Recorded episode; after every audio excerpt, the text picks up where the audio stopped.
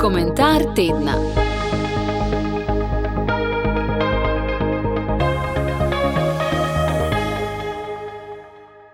Srečali boste ljudi, ki pravijo, da Zemlja ni okrogla. Drugi trdijo, da ni bilo evolucije.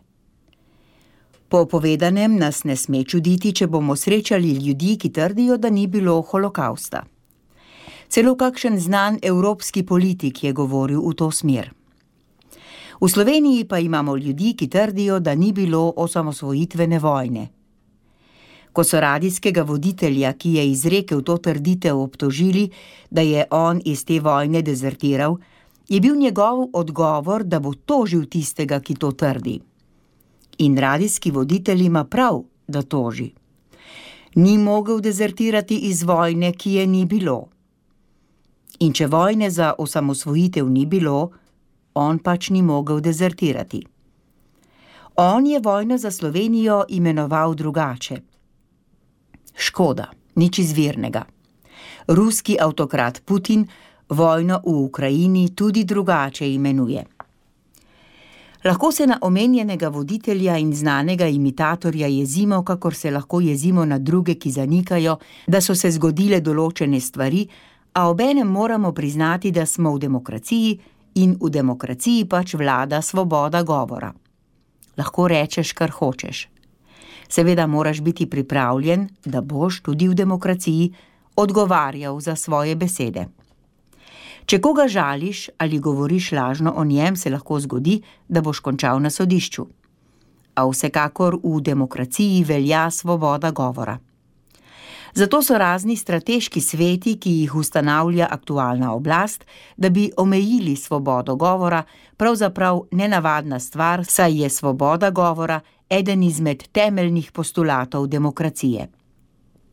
Seveda ostaja človekova plemenitost in etičnost, ki bosta skrbno pazili, da ne bosta izrekali lažnih besed in ne žalili drugega, vendar je eden osnovnih postulatov demokracije svoboda govora. V osamosvojitveni vojni pa je šlo za dve stvari: za osamosvojitev, za samostojno Slovenijo in za demokracijo.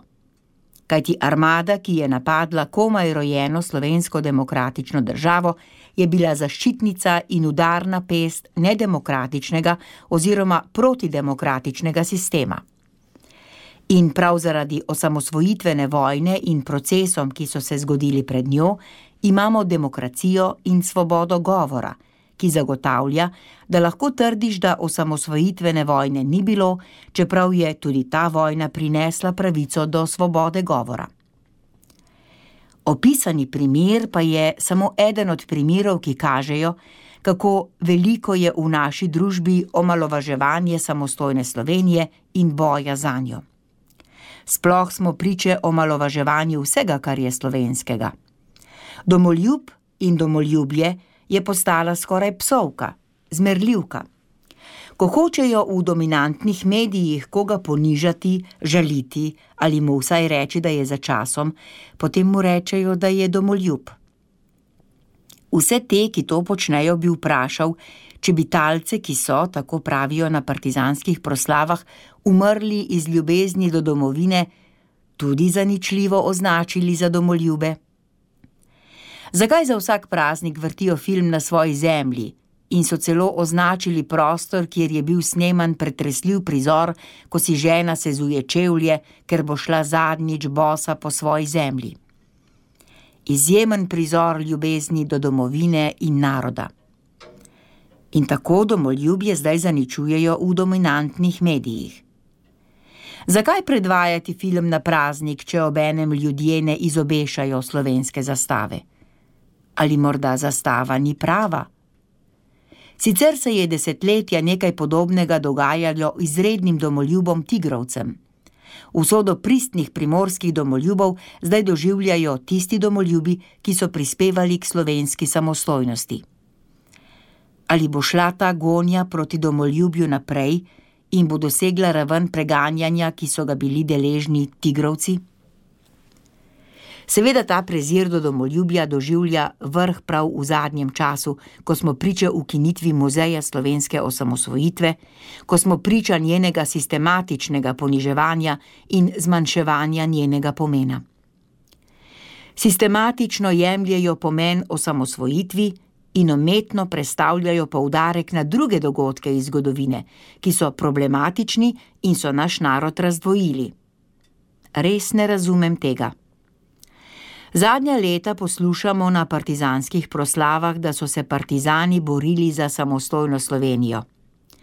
Po moje pri tem sicer niso uspeli, saj je bil sad njihovega boja Jugoslavija, ne samostojna Slovenija. A vendar, če so se oni bojevali za to, potem je to nekaj velikega, mar ne?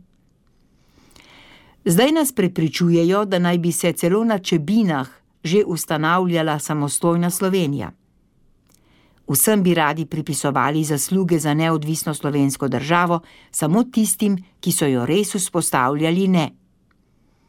Zmanjševanje pomena samostojnosti je seveda žalitev prebivalcev Slovenije, saj jih je ogromna večina, res ogromna, na referendumu glasovala za njo. Res, nekaj je narobe s slovenskim domoljubjem. Komentar tedna.